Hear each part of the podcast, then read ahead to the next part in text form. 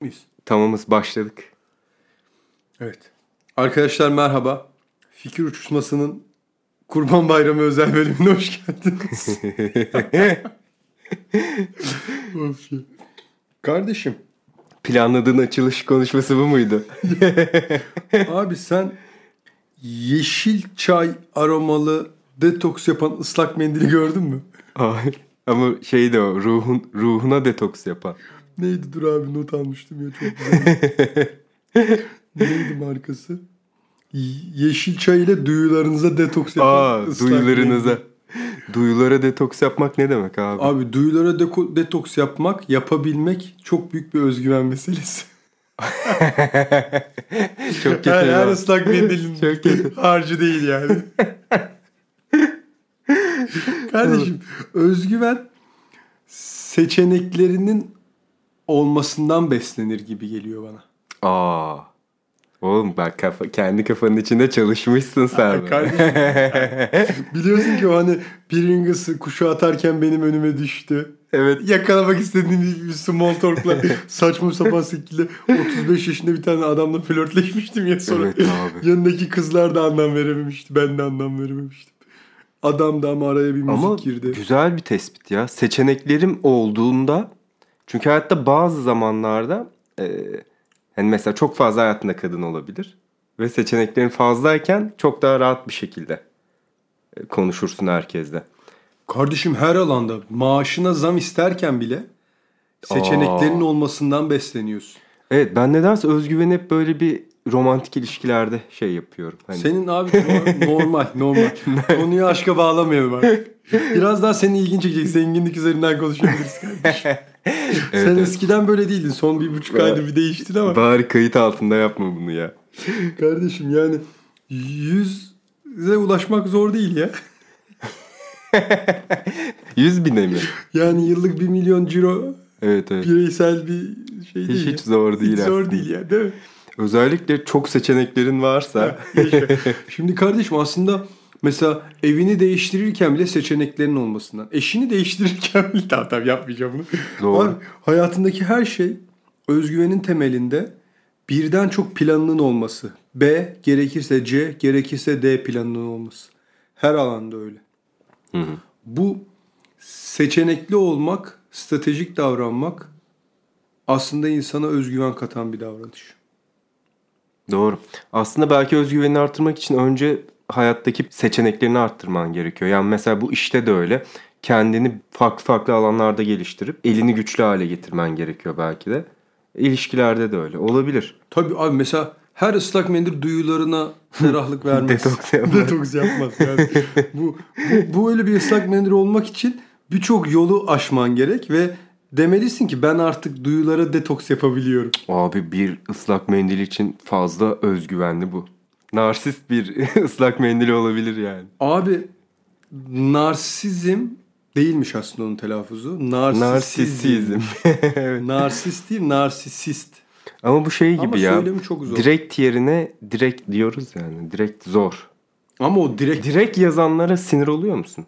kardeşim direkt yazanlar direkt yazanlar aynı şeyden bahsetmiyor diye düşünüyorum. Yo abi direkt diyor. Hani direkt Di- deyince diyor ki- volkan uçmuş ve top direkte patlamış gibi anladın mı yani? diyor ki direkt bana gel mesela. Ben Ben Kötü görüyorum ya. ya, ben- Peki D ve D- D'yi ayıramayanlar hakkında D ve D'yi ayıramayanları çok iyi anlıyorum abi. Onlar için bir dernek açmalıyız. Kesin vardır ya. D ve D'yi ayıranları dernek açsak daha az sayı olabilir. Yani daha kolay yapabiliriz bu işi. Hmm. D ve D'yi ayırabilenler derneği.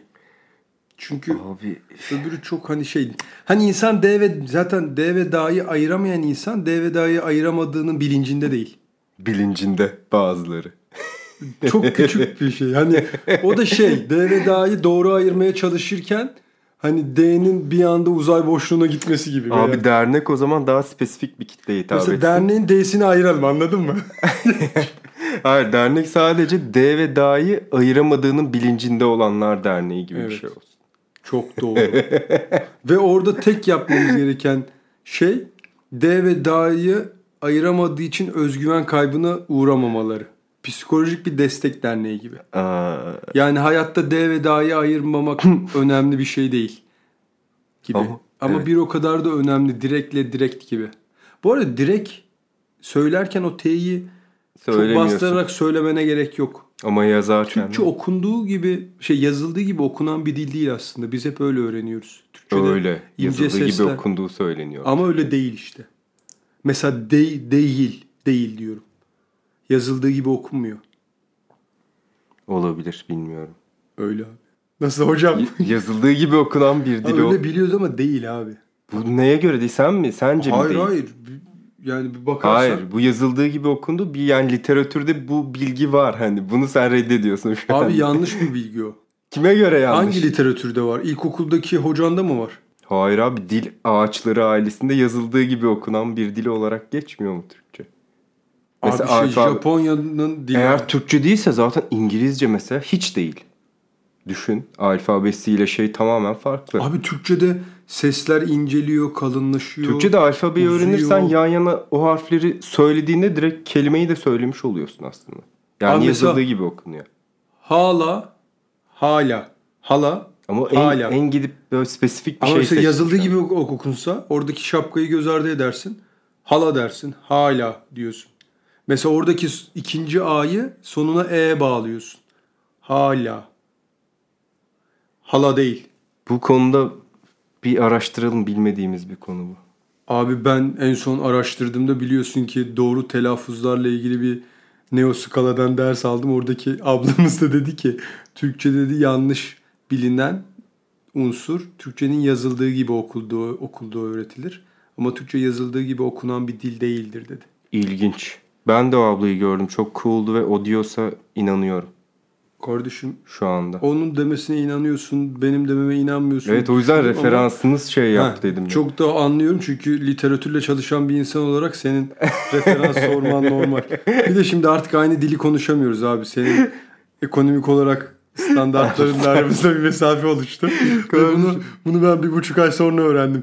Davranışlarına biraz yansımıştı ama hani dedim ki dur bir, iki, üç, dört. Ama şey diyordun değil mi? Neye, neden bağlantısını çözememişsin. Kardeşim şimdi... Davranışları neden değişti Abi şimdi yani? öngörü vardı ama bunun ön yargı olabilme ihtimali var diye bekledim. Şimdi öngörüyle ön yargı farklı kavramlar aslında. Bu da çok karışıyor Türkçe'de. Şimdi öngörü e, olabilme ihtimaline uzak gelecek, yakın gelecekte yaşanabilecek olanı, olayı gözlemleyerek diyorsun ki bunun böyle olma ihtimali var. Ön yargı da çeşitli örneklerden, geçmişteki yaşantılarından yaşadığını benzeterek ön yargı oluşturuyorsun. Mesela fiilen sıcak bir şeye temas etmek. Bu bir sende ön yargı oluşturuyor. Sıcağa yaklaşamıyorsun. Hmm. Ama öngörü de yaşadığın olaylarla benzeşiyorsun, benzetiyorsun. Şimdi seninki seninle yaşadığımız ilişkide bende bir öngörü vardı. Çünkü daha önce bir anda zenginleşmiş bir arkadaşım vardı hayatımda. Dedim ki bu, şimdi bu ön yargı olma ihtimali çok var. Bu yanlış bilgiyi yayma. İnsanlar zenginleştiğimi zannediyor. ya bak bugün bugün dedim ki kardeşim yoksulluk sınırı 33 bin lira olmuş. Suyunu içtim ve sağa doğru bir anda uzadın. E dedin sonra anladın mı? hani çok da şey yani. çok kötüydü ya. Gerçekten. Yani. Kötü bir vücut diliydi. Ve ben şey dedim artık bu öngörü değil abi bu bir ön yargıymış. Çünkü geçmişte yaşadım bu olayı doğru gözlemlemişim. Ve biraz bir kez daha kendimle gurur duydum. Sonra o hani her zaman o yemek yerken ki miktarı fazla olan kısmı paylaşmamızı sen dillendiremedin. Ben de o hani fakirler vardır ya çevresindeki zengin insanlar, varlıklı insanlara sürekli bir şey hediye alır, bir şeyler ısmarlayarak ben de buradayım der. Öyle bir ikili, öyle bir diyalogtu. Benim o 15,5 lirayı fazladan ödemem ben de buradayım. Sana iyi mi hissettirdi? Ama sonra bunun intikamını çok narsist bir şekilde, narsist bir şekilde kahve içerken dedin ki kahveler benden ve ben orada diyemedim hani ben ısmarlayayım. Neden? Çünkü fakirim falan. çünkü çünkü orada çok ötekileştim dedim ki bunu zaten ikimiz biliyoruz abi. Üçüncü bilirse herkes bilir dedim. İki kişinin bildiği sır değildir. Sen de benim aramızda geçen gün dedin ya bizi demek yerine kendimizi düşündüm dedin. Evet. Bir olay düşününce kendimiz dedin ya hani şey düşündüm. Dedim ki okey abi bu beni ve kendini ayrı iki bir olarak değerlendirmiyor. Bizi demiyor. Kendimizi, Kendimizi. diyor. Tabii bu maddi boyutta ayrışıyoruz. Ya. Sen ve ben oluyoruz. Kardeşim mesela özgüveninle ilgili bir değişiklik oldu mu bu konuda? Biraz anlatsana. Abi yani e, kadınlarda nasıl bilmiyorum da erkeklerde gerçekten para özgüveni direkt etkileyen bir şey. Direkt ama. Nasıl yani yani? ya hayatta bence şöyle bir seviye var galiba. Düşünmeden para harcayabildiğin bir noktaya erişebilirsen bu şey demek değil. Yani gidip son model bir araba alayım düşünmeden gibi değil de günlük hayatında e, herhangi gece dışarı çıktım mesela. Hani bir yerde bir şey yerken içerken ya da herhangi bir etkinliğe katılacağında e, hesabın ne geleceğini çok da önemsememek mesela. Bunların hepsi bence vücut dilinden tut senin özgüvenine, rahatlığına her şeye etki ediyor. Ya maddi şeyler e, kazanç özgüveni birebir etkiliyor. Kardeşim bugün bir şey daha yaşadık. Doğru. Mesela dün bana dedin ki boş birer alışveriş yapmak istiyorum dedin. Biz bir scooter aldın ve scooter'ı aldın sipariş verdik. Scooter'a bugün bakmaya gittik ve dedin ki bu o kadar da iyi değilmiş. Ben de eski ekonomik durumumuzun denklemiyle dedim ki kardeşim merak etme iade edersin. Sen de dedin ki neyse ya çok önemli değil. Ve sürekli hani bugün bir çanta bakıyoruz 5000 lira kardeşim sen bütçe yap ben çantayı hallettim diyorsun. Yani anladın mı? İğrenç lan. Çık hayatım ama kardeşim şurada katılıyorum. Aslında maddi maddiyatla ilgili girdiğimiz için maddi özgüven bunu bir köşeye koyayım. Asıl özgüven insanın yapmak istediklerini veya maddi güç diyeyim. Bunu özgüvene de bağladığımız için insanın yapmak istediklerini yapması özgüvenini besleyen bir şey değil. İnsanın yapmak istemediklerini yapamıyor olması özgüvenini besliyor. Bugün çalışmak istemiyorum. Özgüvenini besler, maddi olarak güçsündür. Bugün oraya, oraya gitmek istemiyorum, buraya gitmek istiyorum. Yani aslında belki de asıl özgüven insanı zenginleştiren unsur yapa, yapmak istemediklerini yapmamak. Hayır diyebilmek yani bazı şeylere. İstemiyorsa ben yokum abi. Bugün işe gitmek istemiyorum. Bugün oraya gitmek istemiyorum. Bugün şuraya gitmek istiyorum. İşe gitmek istemiyorum deyince gitmiyorsa. Bugün ahtapotumu Midilli adalarında yemek istiyorum diyorsun. Ve o dokulara dokunan detokslu yeşil çay ıslak mendilli mekanına bin liraya ahtapotu demek yerine gidiyorsun. Tam Ağustos ayında biliyorsun ki Yunanistan Ağustos'ta güzeldir. Çok güzeldir. Ama Eylül'de nere güzeldi? Eylül'de daha çok e, Batı Avrupa, Belçika, Hollanda olabilir. Azizim. Kardeşim ses tadın değişti ya. evet evet evet. Kaç Zen- zengin. kaç sıfır eklendi? bir şey diyeceğim. Kardeşim biliyorsun ki eklenen sıfırlar değil başındaki birdir karakteri oluşturan. ya. Çok çok doğru. Çok çok doğru. Neden beni ısırıyorsun falan diyoruz değil mi? Abi yalnız bir şey diyeceğim. Aslında özgüvenli erkek diye bir stereotip var böyle. Kafalarda özgüvenli erkek deyince bir imaj çıkıyor ortaya. E, aslında materyalist ve şey bir imaj. Genelde e, gelir durumu düşük birini hayal etmiyorsun bu özgüvenli erkek şeyinde. O, demek ki bu aslında biraz paraya mı? Mesela sence Acun Ilıcalı özgüvenli bir insan mı? Ya da kime sorsak evet der. Ya da özgüvenli insanları böyle hayal ettiğinde ya boş özgüvenden bahsetmiyorum. Hani gerçekten e, takdir edilisi özgüvenlerden. Genelde zengin insanlar geliyor. Kardeşim ideale edil, idealize edilmiş bir özgüven görünümü var. Acun bundan ayrı bir görünüme sahip. Özgüvenli mi? Evet. Bugün bir Twitter'da önüme çıktı. 15 yıldır çevremdeki hiç kimseye hesap ödetmiyorum diye bir açıklama yapmış Acun. Darısı Biz başına. zahmet abi. Biz Darısı zahmet. başına kardeşim. Bu arada gerçekten tüm hesapları ödemek istiyorum. kardeşim bunun için hiçbir engel yok. Sen Var bilirsin. Var kadar. ya, hesap ödemek bana çok iyi hissettiriyor. Gerçekten çok iyi hissettiriyor. Yani galiba herkese hissettiriyordur bilmiyorum da. Ee, Acun Ilıcalı gibi 15 yıldır kimseye hesap ödetmiyorum demek isterdim ya. Bu özgüvenden de bağımsız çok kaliteli bir davranış Bu gibi çok geliyor. nazik bir davranış. Tabii bunu çevrendeki kişilere de bağlı. O çevrendeki kişiler gerçekten Bunu istismar etmemek gerekiyor. Tabii. Evet insanları. Ki bu da senin samimiyetine bağlı. İstismar edilebilecek pozisyondayken, öyle bir davranıştaysan, bu seni rahatsız edecek boyuttaysa emin ol orada bir problem vardır. Bu arada bugün konusu özgüven arkadaşlar. özgüven dışında her şey konuştuysak da. Ee, çok klişe bir sorum var. Geçen gün yine bir arkadaşımla konuşuyordum. Kıskançlık meselesi ilişkilerde.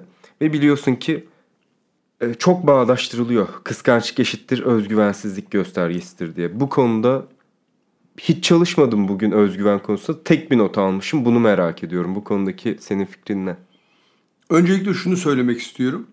İkinci veya üçüncü bölümümüzde konuştuğumuzda bir insan bir arkadaşım diyorsa kesinlikle karşı cinsten bahsediyordur. Doğru. Ama bir arkadaş diyorsa o yakın yani. Ya da adını söylüyorsa. Evet. Aynen. Okey. Kıskançlıkla özgüven bunu konuşmuştuk abi. Kesin konuşmuşuz Bunu da şey yapabiliriz Şöyle ya. kıskançlık. Atıf yapabiliriz evet, evet, yani. kesinlikle atıf yapalım. Referans da kendimiz oluruz. Üçüncü bölüm fikir uçuşması falan böyle. Ben gerçekten nerede konuştuğumuzu bilmiyorum. Çünkü çok ilişkilerle ilgili dönüp dolaşıp bazı yerlerde aynı şeyleri konuşuyoruz mutlaka. Ama özgüven konuşurken de kıskançlığı da bir araya sıkıştırmak lazım galiba. Kardeşim özgüveni yeterlilikle, insanın kendi yeterliliğiyle denkleştirirsek kıskançlık özgüvensizlik diyebilirim. Ama bence kıskançlığın temelinde yetersizlik var. Yetersizlikten besleniyor. Yani özgüvensizlik aslında. Eğer o denklemi birbiriyle uyuşturursak neden öyle söylüyorum? Bir şeylerle uğraşmak, kişisel gelişiminin için mücadele etmek, yeni öğretiler kazanmak, davranış biçimini değiştirmek, maddi manevi güçlendirmek özgüvenini besliyor. Bu da yeterlilikler ve yeteneklerini çoğaltarak bir şeylerle uğraşarak kazanıyorsun. Doğal olarak bunlar birbirine bağdaşık unsurlar ve kıskançlık biraz daha az oluyor. Ama şimdi kıskançlık vardır. Bir de kıskançlık vardır. Şimdi dedin ki Karan ikisi de aynı. Ne demek istedin? Belki sen demek istediğimi anlamışsındır. Rasyonel olarak temelleri oluşturduğun aslında öngörü ve ön yargı diye ayırdığımız yaşantınla geçmişteki tecrübelerine koyduğun bir ön yargı vardır. Bu seni yanlış yönlendirebilir ve abi kıskanıyorsun boş saçmalama dedirtebilir karşı cinse.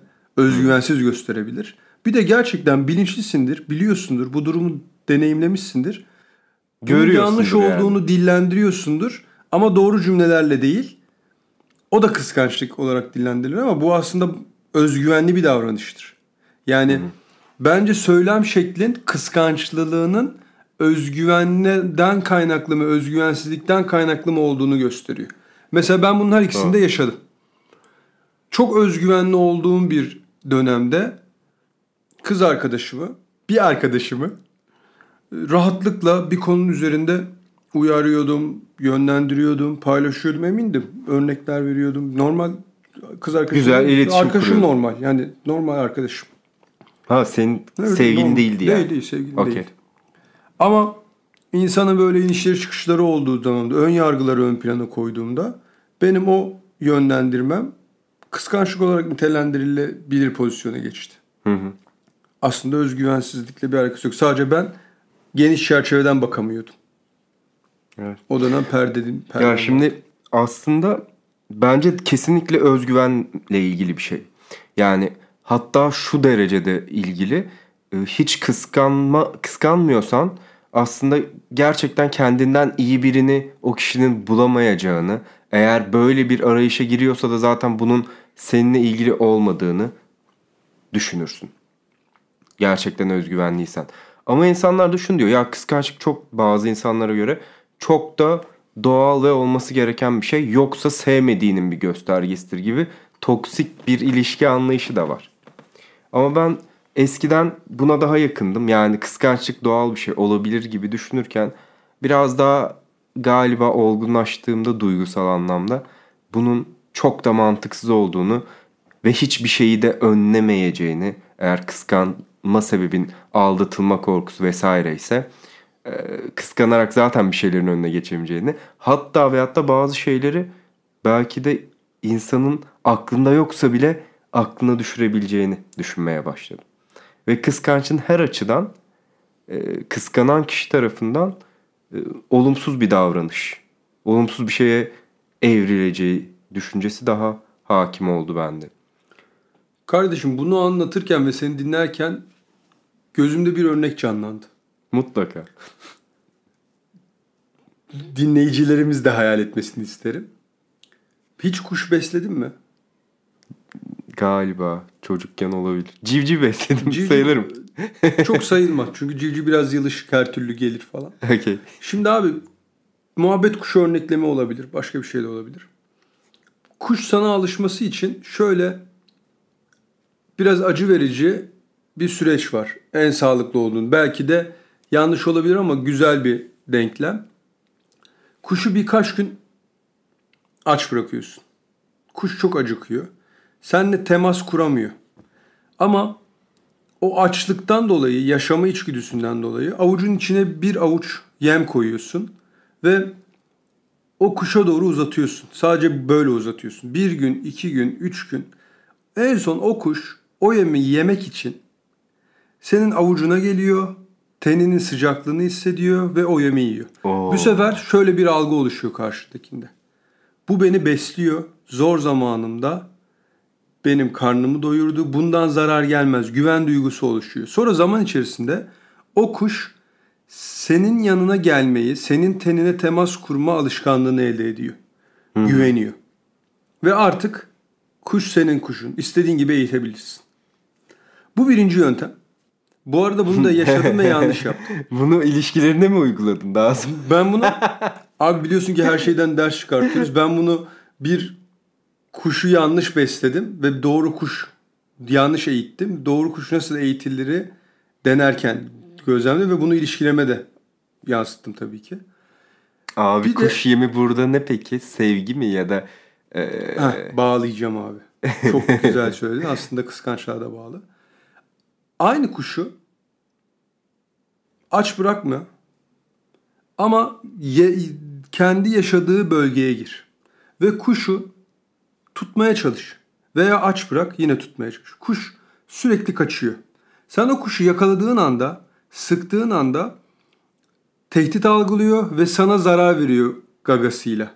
Isırıyor, koparıyor, çıkartıyorsun, öpüyorsun, seviyorsun. O kuş seni şiddet olarak görüyor ve sana saldırıyor.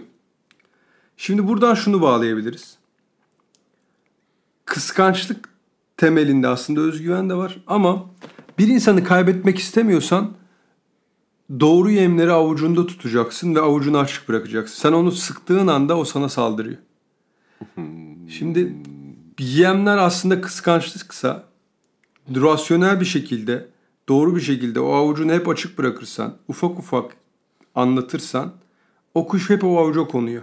Sıktığın anda sana zarar veren sen de onu sahiplenmek için o zarara katlanmak pahasına olursa olsun onu sıkıp kaybetmemeye çalışan bir insan haline geliyorsun. İlişkilerde tamamen böyle oluyor. Vay. Güzel bir metafor. Beğendim. Burada kapatabiliriz abi. Az önce zirvedeydi.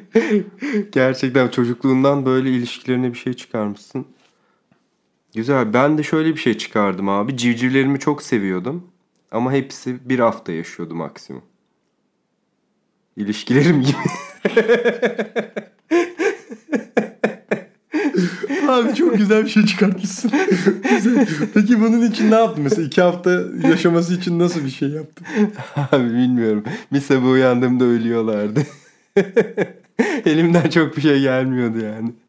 Ay kıskanacak. Çok Kardeşim aç bırak o zaman biraz. Civcivleri mi? Abi hiçbir şeyini eksik Peki etmiyorum. civcivleri boyuyor muydu? Abi işte bir dakika.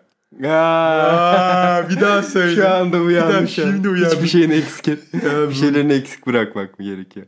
Evet Vay abi bak aç bıraktın aç. Doğru. Oğlum, aldım, aldığım notlar o kadar saçma ki. Ben buraya gitmek istiyorum abi. Neyse tamam. Kardeşim ama şimdi senin böyle bir hafta iki hafta dertlerin yok. Ya geçen bilmiyorum. gün biliyorsun otoyola otobanda giderken üstü açık bir BMW gördün ve dedin ki abi budur ya. dedim ki abi Çok sen- ama şey gibi algılanır. senin böyle taleplerin yoktu evet, dedim. aynen aynen. Bunu yine iki gün sonra anladım talebinin neden olduğunu. Bak bak zengin gülüş yapıyor. Eskiden böyle gülmezdin. Eski gülüşünü yap bir de şimdiki zengin gülüşünü yap. Eski gülüşümü hatırlamıyorum ki. Aa, çok iyi. ben hatırlıyorum kardeşim. Eski şeylerden bakayım abi. Kayıtlardan. Bak ha bak bak. E BMW'yi nereye bağlayacaksın? Abi gülüşte değişiyor mu ya insan? Bilmiyorum sen de öyle diyorsun da. Aa çok çirkin. Çok çirkin evet. Kardeşim tatami döner hakkında ne düşünüyorsun? Abi tatami döner gerçekten efsane ya. Ama tatami ne olduğunu biliyor mu insanlar acaba? Abi araştırsın onu da biz mi söyleyeceğiz? Tatami kelimelerin gücü. Abi ben ilginç bir date hanımı anlatmak Ay hiç çalışmadın iyi olmuş. Ne yaptın abi? Yok, hiçbir şey Kopyala okumadım ki orada. yaptın. Bir bari oku da bize bir kılavuz olsun. Yok yok şey yok hiç. Ee, özgüvenle ilgili hiçbir şey yok. Ha, başımdan geçen şimdi biz bir, bir iki aydır podcast çekmiyoruz yine. Bu süreçte başımdan geçen komik şeyleri kenara not almıştım da hani. Ama neden podcast çekmiyoruz? Abi zengin olmak için çalışıyorduk o yüzden. Tabii ya. Abi kızın biriyle tanıştım. Artık podcast çekmeye gerek yok. Neyse kız dedi ki ilk cümlesi şu. Babet çorap giymiyorsun değil mi? bu çok güzel bir e, şey bence ya. İlk e, testi bu kızın yani. Babet çorap giyip giymemem. Kardeşim Babet birçok, çorap ve özgüven hakkındaki düşüncelerini kardeşim birçok konuyla bağlayabilirsin bunu. Bu kızın çok açık iletişimde olduğu ve net bir soru. Yani kafasında bir önyargı var ve babet çorap giyen bir sevgisi olmuş. Oy, ve problemler korkunç. yaşamış büyük ihtimalle. Bu öngörü de olabilir. Çevresindeki insanlardan dolayı böyle bir bilgisi vardır ve ona karşı bir cephe alıyor. Abi, babet çorap çok ya. önemli bir kısıt olabilir ama biliyorsun ki benim babet çoraplarım vardı abi. Evet, Giyerdim evet. Ankara'da. Benim de vardı bu arada da. Ee, Hatta babet çorabıyla cuma namazına giden arkadaşlarım vardı. Of abi o çok ko- korkunç bir kombinasyon. Bizim şimdi Ankara'da Çay Yolu, İncek, buralar görece biraz daha sekülerlerin bulunduğu ama her cuma camilerin full olduğu bir alan düşünün. Bir giriyorsun 7'den 70'e cumada herkes ve caminin %45'i 7'den 70'e babet çoraplı. Oo. Yani anladın mı? Yani abdesti bozulur yani öyle bir babet çorap. Abi işte bu kızı oraya göndermek gerekiyor. Kabus gibi bir şey onun için anladın mı? şey babet çorap, babet çorap hayır diye kalkıyor. Çıldırarak çıkıyor. Deli gömleğiyle çıkartıyor. Abi özgüvenle ilgili tıpçı özgüveni diye bir şey not almışım. Kardeşim neydi o geçen dedim biz tıpçıyız mekana girelim. Abi mekana girmek istiyor beş erkek. Güvenlik almayınca diyor ki ama biz doktoruz. Ama benim tıpçı özgüveni buradan gelmeyecek şeyim. Ee, kadın tıpçılardan, doktorlardan gelecek. Ee, hangi kadın doktorla görüşsem, date çıksam falan. Şöyle bir şey var. Hepsi tüm erkeklerin onlarla evlenmek istediğini düşünüyor. Neden böyle bir şey var bilmiyorum. Gerçekten öyle de olabilir yani. Özgüven, Allah Allah. özgüven şeyi mi ne? Evet abi sanki şey böyle. Kendilerini ideal eş, aranan hani eş adayı olarak görüyorlar ve e, şey demek istiyorum artık. Hayır öyle bir niyetim yok yani. Abi bu konuyla ilgili veri setimde çok az bilgi var. Benim bu konuyla ilgili biraz oluştu son zamanlarda. Ben bu konuyla ilgili çalışıp sana bir Evet, bilgi sen- aktaracağım. Evet doktor hocalarına, arkadaşlarına bir, bu konuyu sorsana. sormayayım abi yaşayayım. tamam sorayım. Çevrenizde genç doktor var mı deyip bir, bir araştırma yapıyorum da. Abi vallahi bilmiyorum böyle bir durum var. Kardeşim çok sıcak oldu ya. ya. Sıcak oldu evet. Yaşadığımız yetmiyor da benden mi dinliyorsun? Şurada 10 dakikamız var abi 10-15 dakika ne için 10 dakika? Kaydımız bitince şey yapacağım. 10 dakika sonra kapatıyor muyuz? Yani aşağı yukarı. 10. Kardeşim 15, hemen artık kararları da sen alıyorsun. ne, ne gülüşle ya. 20, 30. Kardeşim aslında baktığında bilgi sahibi olmak, bir şeyleri biliyor olmak insana özgüven verirken her seferinde başka bilgiye sahip olan insanları tanıyor ol- olma tanı, tanımak bir o kadar da abi dur o kadar şey bilmiyorum daha dünyada bilecek bir sürü şey var. Hmm. Fikri uyandırıyor Bizim- ve aslında o özgüven senin kibirli olmamanı sağlıyor. Kimisi o özgüvenli görünümü itici gelir. Evet. Kimisinin bir şeyleri anlatması, o bilgi sahibi olması kibirli gelir. Hı hı. Aslında bence birçok şey gibi ne olduğun değil, bunu nasıl sunabildiğini bağdaştırmak Çok gerekiyor. önemli ama sunma tarzına zaten ne olduğunun etkisi de çok büyük. Yani sen boş bir insansan yani yersiz bir özgüvene sahipsen zaten bunu sunarken de kötü bir şekilde sunuyorsun aslında diye düşünüyorum. Ve bu şey gibi özgüvenle gerçekten bilgi arasındaki o şey vardı grafik attım. Şimdi adına tekrar baktım. Dunning-Kruger efektmiş. En başta yükseliyor, pik yapıyor. Bir noktada aynı senin o yaşadığın aydınlanmayı yaşıyor insan ve tanıştıkça insanlarla aslında o kadar da çok şey bilmiyorum şeyine geliyor. Sonra özgüvenin dip yapıyor. Ama gerçekten yıllar içinde işte o bilgi birikimini arttıkça da yine yavaş yavaş artmaya başlıyor. Kardeşim kesinlikle. Bak mesela Zeybek eğitimi alıyorum. Dedim ki İzmir'deyim. Zeybek öğreneyim. Senle de konuştuk. Ben Şimdi- de dedim ki neden? Ben dedim ki abi biliyorsun ki. Neyse. Şimdi ilk iki kurgu var. Dokuz sesli. İlk iki kurgu var. Abi yaptım ve hoca dedi ki bu iki periyotlu sistem bugün ara sokağa git. Ben İzmir'de büyüdüm vesaire. ZB ilgi var deyip herhangi bir düğünde görebileceğin, herkesin oynayabileceği bir zeybek. Hı hı. Dedi okey ben gayet güzel yaptım. Dedim ki abi bu iş basitmiş ya yapılıyor. Abi ikinci derse gittim. Allah'ım kafayı yiyeceğim. yani O pik yapan özgüvenin bir anda. abi bak insanların neden ilk ikisini yapabildiğini anladım. Çünkü 3 ve 4. set o kadar karmaşık ve sıçratıcı bir şey. Yani onu yaparsan zeybeyi öğrenip diğer dala geçiyorsun. En zor tarafı o psikolojik sınır. Yapmasan diyorsun ki okey bunu ben bunu bırakıyorum. Şimdi o Darren Kruger efekt gibi tam özgüveni arttı. Dedim ki abi ben yıllardır hayalim olan zeybeyi öğreniyorum. Allah'ım pat diye düştüm. Şimdi Evet. normalde ben iki hareketi 10 gün ara verdik. 10 günün her günü yaptım. Sabah akşam böyle 5-10 dakika açtım. Bütün yaptım. Allah'ım bir hafta geçti. Üçüncü ve dördüncü seti nasıl yap yapmak istemiyorum. Çünkü İstemiyorsun yüzleşmek değil mi? istemiyorum. Evet evet. Aslında o da böyle özgüvenini besleyen şey unsur bu. Zaman ayırabilmek ve bununla yüzleşebilmek.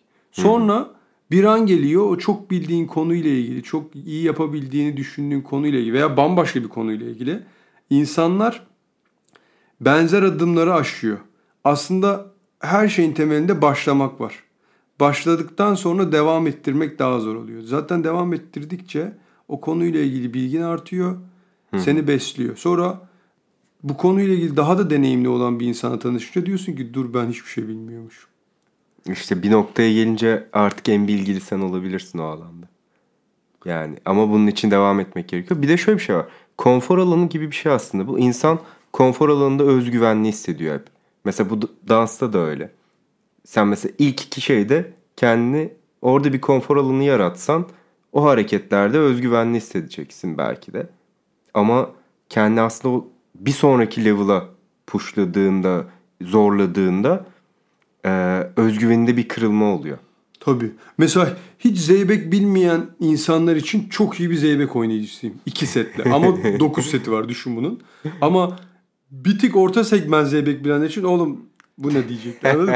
Bulunduğun ortama bağlı özgüvenin değişiyor abi. Mesela Evet. hiçbir şey bilmeyen bir ekipte bulursan o ekibin en özgüvenli insanı sensen zaten o ekipte bulunma abi. Evet Yani ya. Büyük problem var.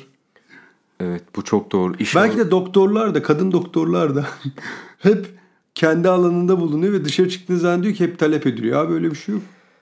Rahat ol, sakin ol. Kimse tek tıp tabii ki ya bilmiyorum ba- şey. galiba Aa, geçen belki çok şeydir. Herkes yapmıştın. evlenmek istiyordur. Bilmiyorum. Çok güzel istatistik yapmıştın abi. O çok doğru. Hangisi?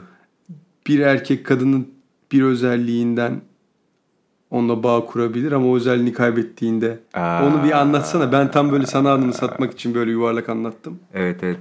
Ya bunu ben bir şeyde gördüm. Bir podcast tarzı bir YouTube şeyinde yabancı bir kanalda. Şey diyor. e, erkekler işte aslında bu bir klişe bir laf. Erkekler idealist bir şekilde aşık olur ya da sever. Kadınlarsa pragmatist bir şekilde yani daha çıkarcı bir şekilde. E, ve şöyle aslında şunu demek istiyor özetle.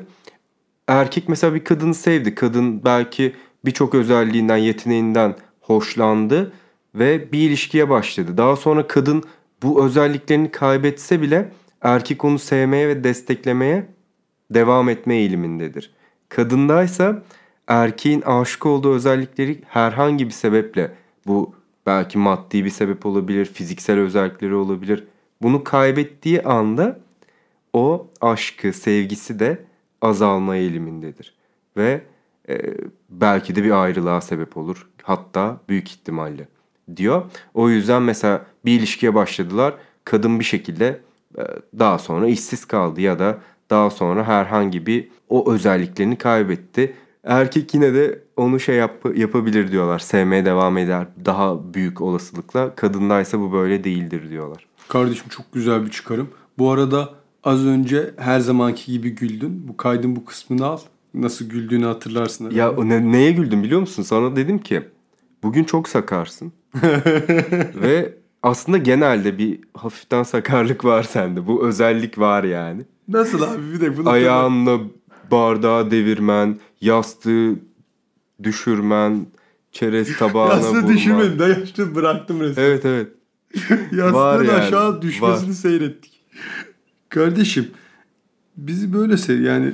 Yo ben seni böyle kabul ettim ama sen de Kardeşim bir bununla dakika sakar çok genelleyici ba- bir barışmalısın. Bunu kabul etmiyorum ya. Biraz sakarsın abi. Dikkatli bir insanım ben aslında. Olabilir canım. Sakarlık öyle bir şey değil ki. Bunu ben bir düşüneyim. Bu çok halka arz ettik bunu bir anda.